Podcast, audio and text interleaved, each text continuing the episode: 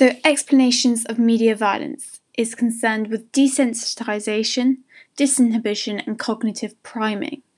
Desensitization is the idea that repeated exposure to violent media reduces our physical physiological arousal such as heart rate and anxiety and psychological arousal such as empathy to violence, so aggression is more likely.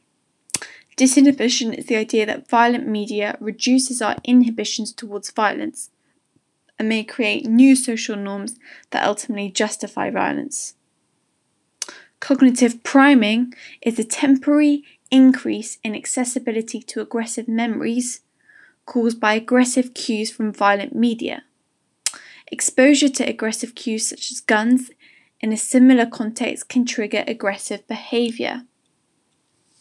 There is much research support for desensitization. For example, um, studies with if, if studies are participants exposed to two prior conditions before um, being monitored whilst watching violent video games. If in the prior condition they were playing violent video games, they had reduced heart rate and sweating compared to a control group.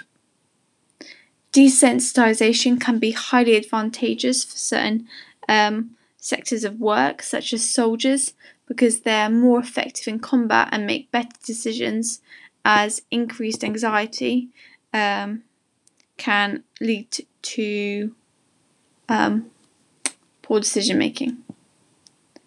Disinhibition to sim, um, is too simplistic though, because ultimately age and family violence are far more significant predictors of whether we're aggressive or not.